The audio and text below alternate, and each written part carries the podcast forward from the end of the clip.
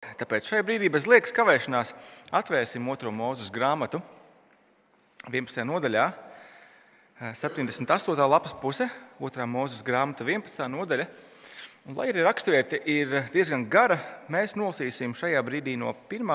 panta līdz 12. nodaļas 14. pantam. 11. nodaļa. Lasīsim sākot no 1. panta.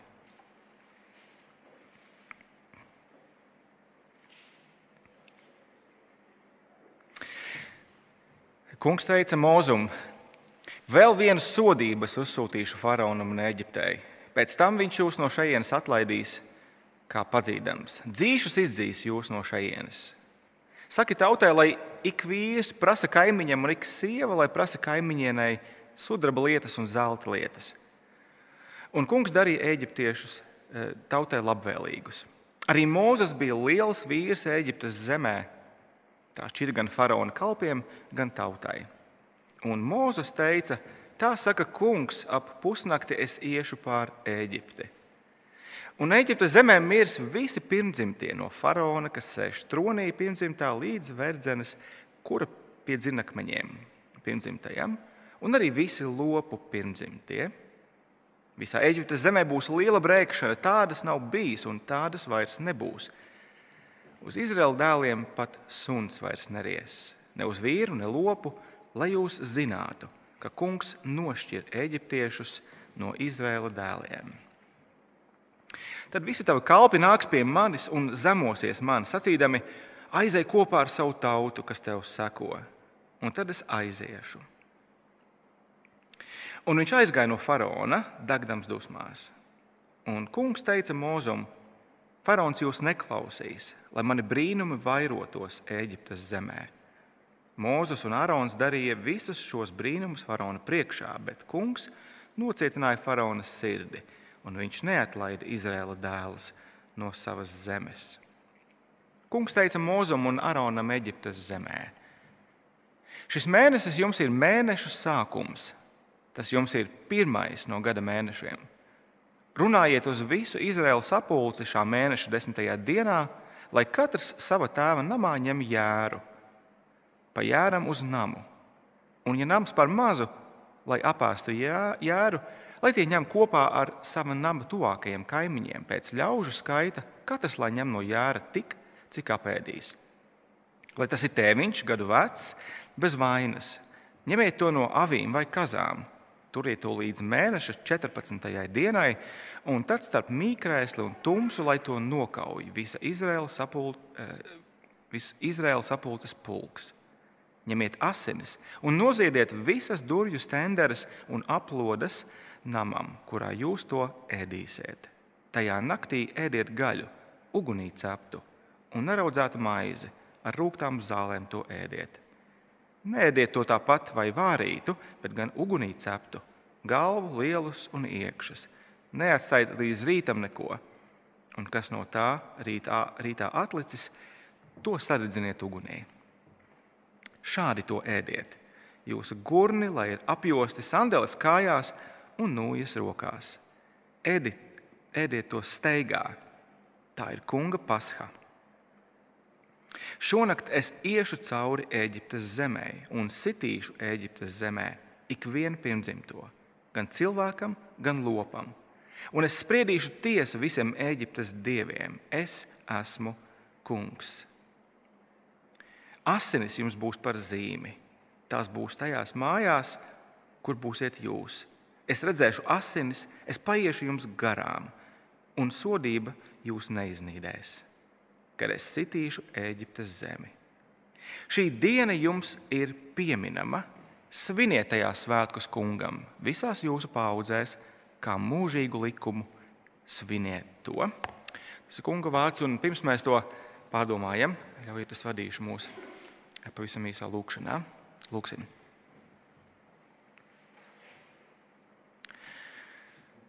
Redzi, Dieva jērs, kas nes pasaules grēku. Debesu Tēvs, domājot par tavu varano glābšanas darbu Eģiptē, ļauj mums vēl skaidrāk saskatīt to, ko tas izdarīs mūsu labā. caur savu mīļoto dēlu Jēzu Kristu. Āmen!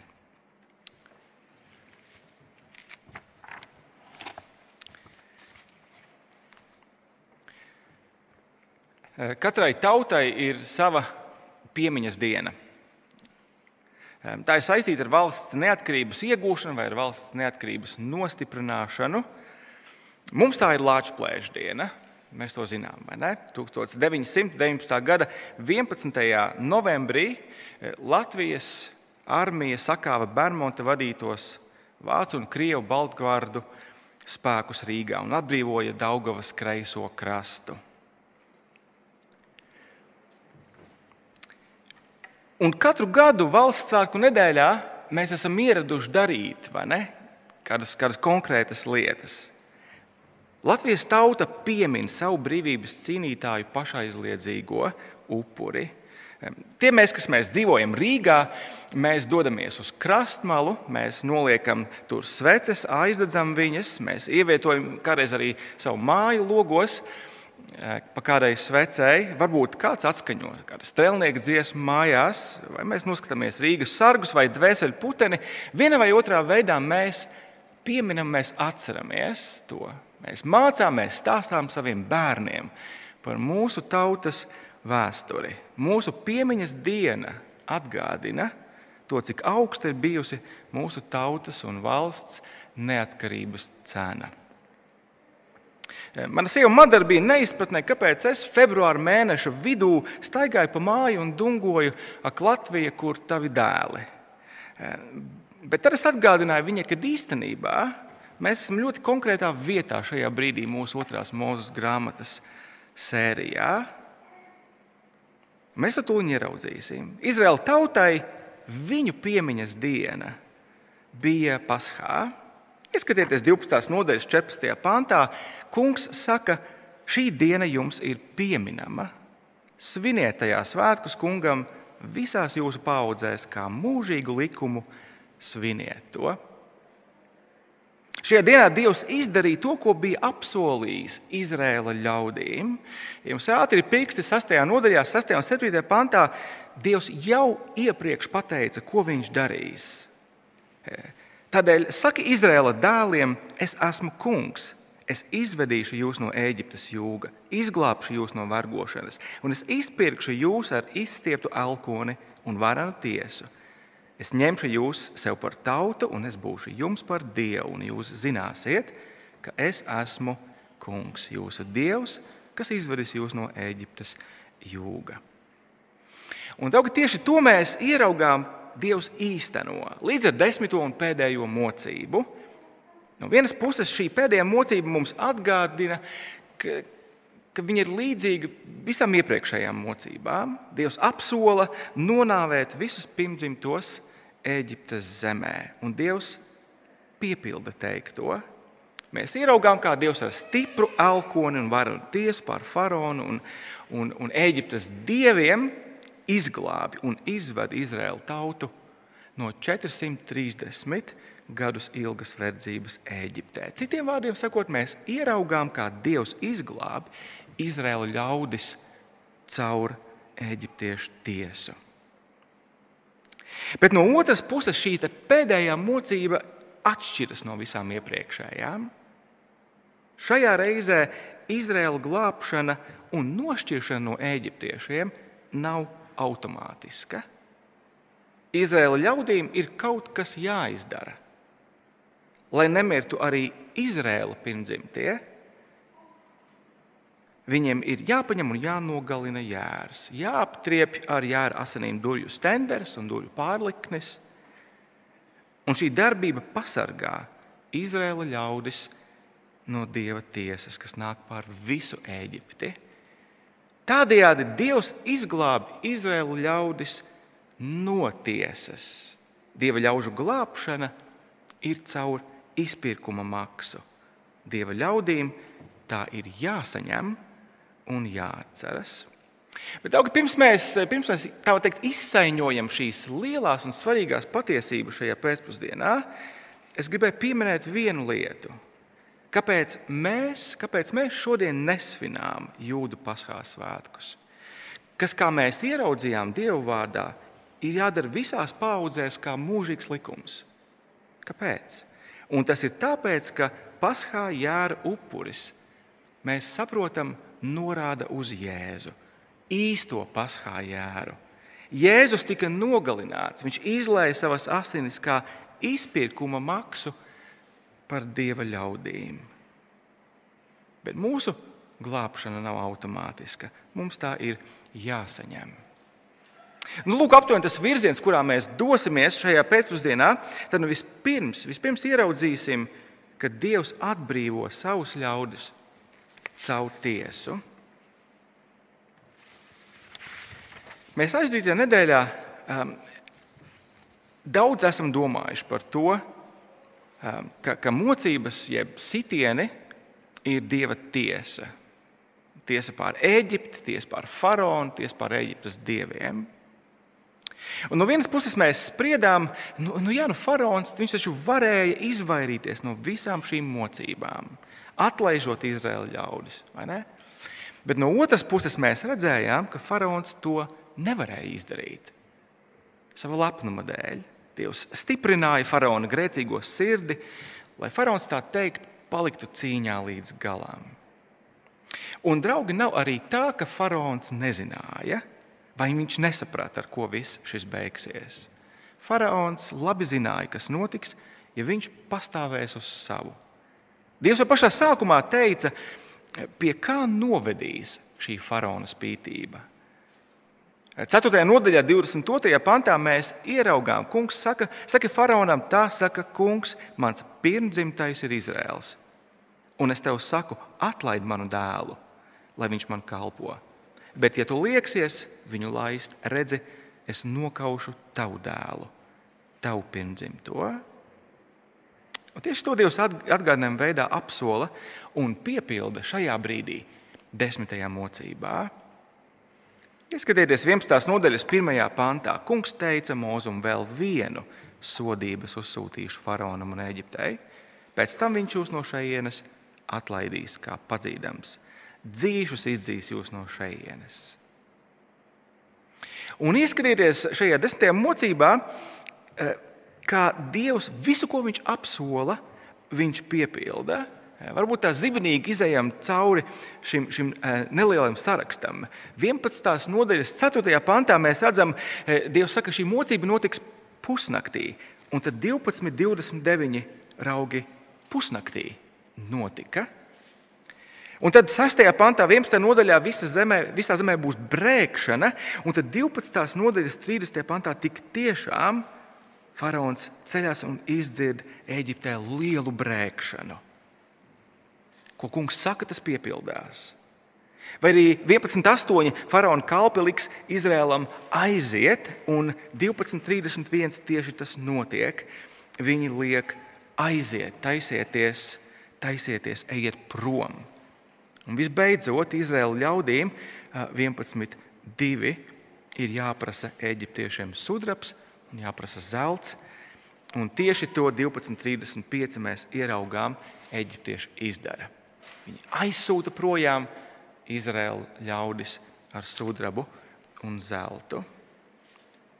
Viss, ko kungs saka par šo mocību, viņš to visu piepilda. Bet, protams, domājot par pašu šo mocību, mums ir jāierauga tas, ka tā bija briesmīga nakts. Mēs to esam nolicis gulēt savus bērnus, tu esi, tu esi nomazgājis traukus pēc vakariņām, tu esi pārnājis ar, ar sievu to, cik brīnišķīgi bija dzīve zem Jāzepa valdīšanas Eģiptē. Un tikko sāk pievērties tavas acis, tā tu izdzirdi milzīgu brēkšanu aiz, aiz sienas. Un pēc brīža pāri ielai no nama nāk brēkšana, un pēc brīža viss kvartāls vienkārši skan šaušalīgās vaimanās. E, tik skaļi, ka pamostās tavi bērni, un bērni prasa, mamma, kas notiek? Un Izraēla ļaudis atbildēja, piepilda to, ko viņš bija teicis. Dievs ir ieradies, lai izglābtu mūs caur varanu tiesu, baisu tiesu pār. Man liekas, ka mūsdienu cilvēks to tā neredz. Pareizi mēs sakām, ka kaut kas te nav kārtībā, tāds nesamērīgi, nesamērīgs spēka pielietojums, cik vardarbīgi, cik netaisnīgi. Bet, draugi, ieraudzīsim to, ka tā nedomāja Izraēla ļaudis tajā brīdī. Izraels piedzīvoja, mēs zinām, pret sevi vērstu genocīdu. Ceļot faraona no, nolikto pilsētas, viņi faktiski bija, viņi, viņi, viņi bija ieslodzītie darba nometnēs. Un viņi tagad ieraudzīja redzamā veidā to, ka Dievs ir viņu pusē. Dievs atmaksā viņa ļaužu apspiedējiem. Izraēla ļaudis ieraudzīja, ka notiek, notiek taisnība. Dievs atmaksā viņa ļaužu apspiedējiem. To mēs īstenībā ieraugām šajā grāmatā. Varbūt vēlreiz izsakojiet nedaudz līdzi, vai vismaz piefiksējiet uz savām lapiņām. Mēs ieraudzījām pirmajā nodaļā, ko faraons pavēl izdarīt. Viņš pavēl nogalināt Izraēla dēlu pirmdzimtos. 12, 29. Dievs nogalina eģiptiešu pirmdzimtos. Otrās nodaļas 23. pantā Izraels brēc uz Dievu par savu verdzību. 12.30. Eģiptieši brēc par savu bērnu nāvi. Pirmās nodaļas 22. pantā faraons pavēla Izraēla dēlus noslīcināt Nīlā, jūs atceraties. Bet 14. nodaļas 28. pantā mēs ieraudzīsim, kā Dievs noslīcina eģiptiešus eģiptiešu dēlus jūrā. Draugi, vēlreiz faraonam bija jārēķinās, ar ko beigsies viņa dumpis pret Dievu. Un, lai arī mēs pagājušajā reizē ieraudzījām, ka faraons atzina 10.16. Ja, es esmu grēkojis pret kungu, jūsu dievu, un pret jums, mēs redzējām, ka viņš no saviem grēkiem neatgriezās. Tieši otrādi 10. nodaļas 28. pantā faraons vēl pēdējo reizi piedraudēja mūzumu ar nāvi. Viņš pavēlēja nerādīties vairs viņam acīs. Tad nu, Dievs bargi, bet pelnīti tiesā savu un savu ļaužu ienaidnieku. Eģiptes zemē ir liela brēkšana, jo katrā namā kāds ir miris. Kamēr uz Izraēla dēliem ieskatieties, 11.7. pat suns vairs neries. Ne uz vīru, ne lopu, lai jūs zinātu, ka kungs nošķir eģiptiešus no Izraēla dēliem. Dievs glābi savus ļaudis, vienlaikus tiesājot eģiptiešus un faraonu. Draugi, patiesība par to, ka Dievs glābi savus ļaudis caur tiesu, tā ir varena patiesība. Tā visos laikos ir dāvājusi dieva ļaudīm tik ļoti vajadzīgo eh, apziņu par uzvaru. Tā ir dāvājusi lielu mierinājumu. Dievs redz, Dievs rīkojas taisnīgi. Dievs caur krus, eh, Kristus krusta nāvi ir sagādājis glābšanu, tiesājot savu un savu ļaužu galveno ienaidnieku. Arī mēs to ieraugām. Viņš ir tiesājis sātanu jeb vēlnu. Ieklausieties, kā apustulis Jānis iedrošina draugus Āzijas provincē 1. gadsimtā, atklāsmes grāmatas 12. nodaļā. Tad es dzirdēju stipru balsi, debesīs saucam. Tagad ir atnākusi pestīšana, un mūsu Dieva spēks un valstība un viņa Kristus vara, jo ir gāsts mūsu brāļa apsūdzētājs, kas tos apsūdzēja mūsu Dievu priekšā dienām un naktīm. Un to pašu patiesību Pāvils vēstulē kolosiešiem otrajā nodaļā apraksta. Dievs izdzēsa parādrakstu ar tiem noteikumiem, kas bija vērsti pret mums, un to iznīcināja, pieneglojams pie krusta. Viņš atbruņoja visas valdīšanas un varas, un tās atklāti kaunā likdams, svinēja pār tām uzvaru Kristū. Sātanam vairs nav tādas varas un piekļuves pie dieva, kā mēs atceramies pie ijāba dienās, piemēram. Viņam nav tiesību nākt pie dieva un apšaubīt tavu un manu kalpošanas motivāciju. Šīs tiesības Kristus viņam ir atņēmis. Sātanam nav tiesību uzrādīt apsūdzību, Dievam par taviem un maniem grēkiem. Kristus to ir viņam atņēmis. Velns un viņa schēmas tiešām bija reāla problēma dieva un cilvēku attiecībās jau kopš ēdienas dārza. Velns turpina būt reāls ienaidnieks šodien. Bet, draugi, viņš ir sakauts ienaidnieks. Velns ir saņēmis jau šodien savu spriedumu. Tomēr, lai cik liela un svarīga arī nebūtu patiesība par to, ka Dievs glābi mūs caur tiesu pār sātanu, mums ir jāsaprot, ka tas nav viss stāsts. Redziet, ir iespējams pieņemt šo vienu patiesību un padarīt to par vienīgo patiesību, kurai ir nozīme. Kāpēc es tā saku? Redziet, ir cilvēki, kas teiks šādi: Mēs ar Dievu īstenībā būtu ļoti labi draugi, ja viens sātans ar savu pievilkšanu nestāvētu pa vidu. Un cik brīnišķīgi ir šī vēsts par to, ka Dievs sakauj savu un savu ļaužu lielo ienaidnieku. Viņš ir tagad noņemts no ceļa, izņemts no vienādojuma, un mēs ar Dievu beidzot varam būt draugi. Kas ar šādu skatījumu nav kārtībā? Tas pilnībā ignorē vienu paralēlu Bībeles patiesību.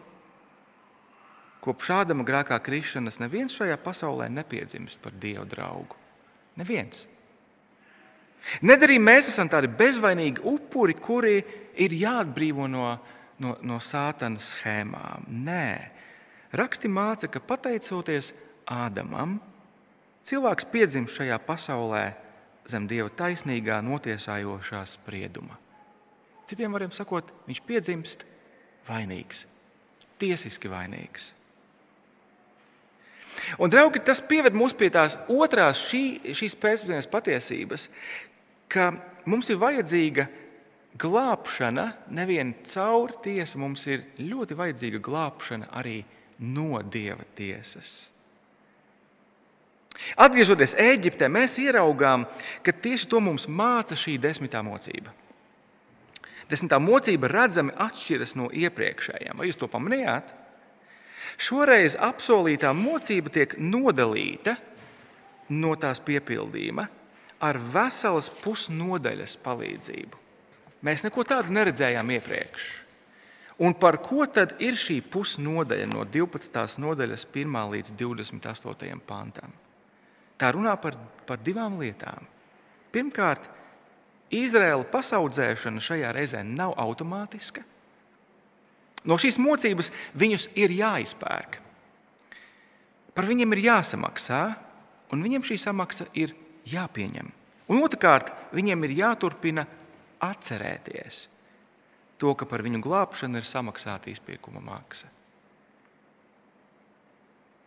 Redziet, būtu veids, kādā mēs aizvadītajās nedēļās esam runājuši par dieva tiesu, ir radījis tādu nedaudz maldīgu, maldīgu priekšstatu eh, par to, kas stāstā ir labie un sliktie. Eh, mēs, mēs redzējām, mēs domājām, ka faraons ar saviem magiem un citiem eģiptiešiem pilnīgi noteikti ir sliktie apspiedēji, vai ne? Bet Izraels ar, ar Mūzu un Aronu priekšgalā viņi ir labie. Viņi ir bezvainīgi upuri faraona teikt, ģeopolitiskajā spēlē. Bet pazīstot, draugi, pazīstot Jēkaba ģimeni pirmajā mūzes grāmatā, mums nebūtu jābūt ilūzijās pareizi par to. Viņi visi kā viens, sākot ar Jēkabu un visiem pārējiem dēliem, atbalso Dieva vērtējumu par cilvēku, ko Dievs izteica eh, tur 8. nodaļā, 1. mūzes grāmatā, jo cilvēka sirds tieksmes ir ļaunas no mazām dienām. Citiem vārdiem sakot, Izraēla ļaudis bija tieši tajā pašā kategorijā, kurā eģiptieši. Viņi bija pakļauti dieva taisnīgai tiesai. Viņus no eģiptiešiem nošķīra tikai viena lieta - asinis. Tā bija samaksa par viņiem, kas viņiem bija jāpieņem. Šajā reizē Izrēlam ir kaut kas jāizdara, lai dieva tiesa paietu viņiem garām? Un atbildi ir asinis. Ieskatieties 12. nodaļas 13. pantā. Asinis jums būs par zīmi. Tās būs tajās mājās, kur būsiet jūs. Es redzēšu asinis, es paiešu jums garām, un sodība jūs neiznīdēs, kad es sitīšu Eģiptes zemi. Atbilde ir asinis, bet jautājums ir vienīgi par to, kura asinis tās būs. Un šīs nodaļas apbrīnojamā patiesība, draugi, ir tajā, kā Dievs, ieskatieties, 12.3. pavēl ņemt jēru no Izraēlas maisaimniecības, 12.6. nogalināt viņu, 12.7. ar viņa asinīm notriept durvju stenderes un aplodas. Un, kad Dievs redzēs asiņainās stenderes un aplodas, viņš zinās, ka šajā mājā jau kāds ir nomiris, un viņš paies garām. Nu, atkal iedomājieties ģimeni. Ģimeni tur, tur Eģiptē tajās dienās, kas paņem vispiemīlīgāko jēriņu, viņi veselas četras dienas ir kopā ar šo, ar šo mazo dzīvnieciņu, kā, kā ģimenes locekli. Bērni viņu iesauc par auniņu šonu, viņi ķemē, viņi skruļai no kažociņa ar ķemmēm, un viņi rotaļājas ar viņu, viņi spēlējas. Viņi pat ir uztaisījuši viņam kakla siksniņu smuku. Bet ceturtajā dienā viņu tēvs ņem lielo nazi un pārgriež jēriņam rīkli. Un ar viņa asinīm notriep durvis, stenderes, aplodes.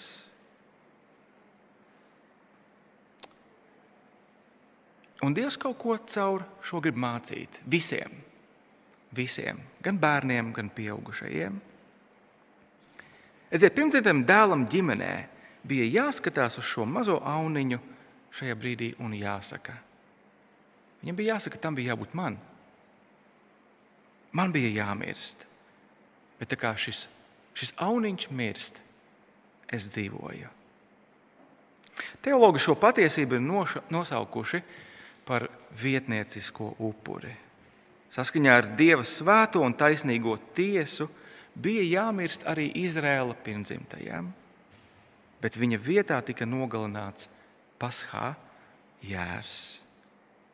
Šis jērs bija izpirkuma maksa par Izraēla pirmdzimtā dzīvību. Bet, ja jūs pamanījāt, tad 12. nodaļā nav runa tikai par Izraēla pirmdzimto. Ieskatieties 12, 3 līdz 4 runājiet uz visu Izraēlu sapulci šā mēneša desmitajā dienā, lai katrs savā tēva namā ņem jēru pa jēram uz namu, un, ja nams par mazu, lai apēstu jēru, lai tie ņem kopā ar savu namu tuvākajiem kaimiņiem. Pēc ļaužu skaita katrs lai ņem no jēra tik, cik apēdīs. Šie panti runā par to, ka Dievs ir parūpējies, lai paskā jēra upuris izpērk visas Izraēlas maisaimniecības, ne tikai pirmdzimtos. Tāpēc Dievs pavēl viņiem to kopīgi ēst. Galu galā mēs redzējām, ne, ka Dievs ir nosaucis visu savu tautu par savu pirmdzimto. Vēlreiz desmitajā mocībā kungs nošķir eģiptiešus no Izraēla dēliem. Bet šajā reizē viņi netiek pasaudzēti tā automātiski. Viņiem ir kaut kas jāizdara, viņiem ir jāpieņem svētā un taisnīgā dieva sagādātā izpirkuma maksa. Jāra dzīvība par viņu dzīvību audzēšanu. Un mēs tālāk, lasot Bībeli, mēs redzēsim, ka īstenībā 1500 gadu garumā Izraēla ļaudis svin šos svētkus katru gadu nemainīgi stāstot saviem bērniem, kāpēc viņi to dara, ko Dievs ir izdarījis viņu labā, kā Dievs ir izpircis viņus. Bet kādā vakarā augšstabā mēs redzam, ka viss mainījās. Visur citur, tajā vakarā, tajā naktī, Izraēla ļaudis eh, turpināja kaut paskā jārus, bet 12 mācekļu priekšā sēdēja Jēzus, kurš tajā naktī iesāka vērienīgāko reformu. Mācekļu acis redzēja, ko? Viņu acis redzēja īsto paskā jēru, kurš sagādās pilnīgu samaksu par viņu grēkiem, kurš ar savu nāvi remdēs dieva taisnīgās dusmas. Un tāpēc viņi ēda tajā naktī nevis jēru, bet viņi lauza maizi. Ņemiet, ēdiet, šī ir mana miesa, kas par jums top nodota. Un viņi tajā naktī dzēra vīnu, ņemiet, dzeriet, šis, šīs ir manas jaunās derības asinis, kas par jums top izlietas.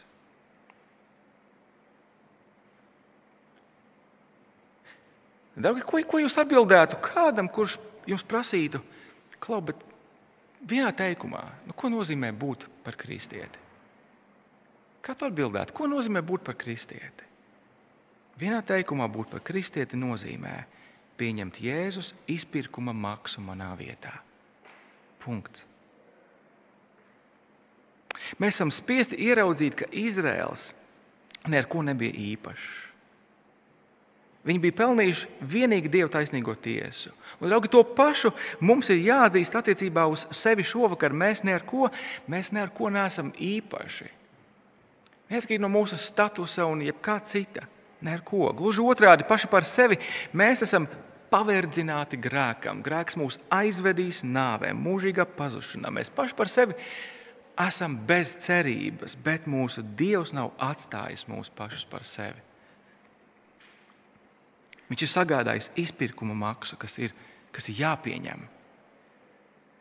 Dievs ir devis par tevi nevis jēru, bet Viņš ir devis par tevi savu mīļoto dēlu. Jēzus asinis ir izpirkšana par tavu dzīvību. Vienīgi Dievs miesā nācis spēja paņemt prom no tevis pilnīgi visus tavus grēkus. Viņš vienīgais spēja padarīt tevi no no dusmības bērna par savu mīļoto bērnu. Tu šajā darbā neesi piedalījies pilnīgi nekā. Tā ir dāvana. Bet šī samaksa joprojām ir jāpieņem. Ja tā lai drīkst teikt, notriepjot savas dvēseles aplodes ar Kristus asinīm, kādā veidā sakot, Kungs, glāb mani, glāb mani, ej pazušanā bez tava darba mēs nekad, nekad nedrīkstam aizmirst, kur sakņojas mūsu identitāte. Kristus krusta samaksā. Tāpēc noslēgumā tā ir samaksa, kas ir jāatcerās. Redziet, Dievs pavēlēja Izraēla ļaudīm šo dienu turēt kā piemiņas dienu, tas, kur mēs sākām 12, 14. Šī diena ir tik svarīga diena, kad Izrēlam ir, ir pilnībā jānomaina kalendārs. Gads no šīs dienas sāksies lūk ar šo mēnesi. Viņu atskaites punkts turpmāk būs pirms Paskā un pēc Paskā. Ja, jo viņu nacionālā identitāte saskaņojas izpirkumā, izpirkumā, kas tagad ir jāatcerās.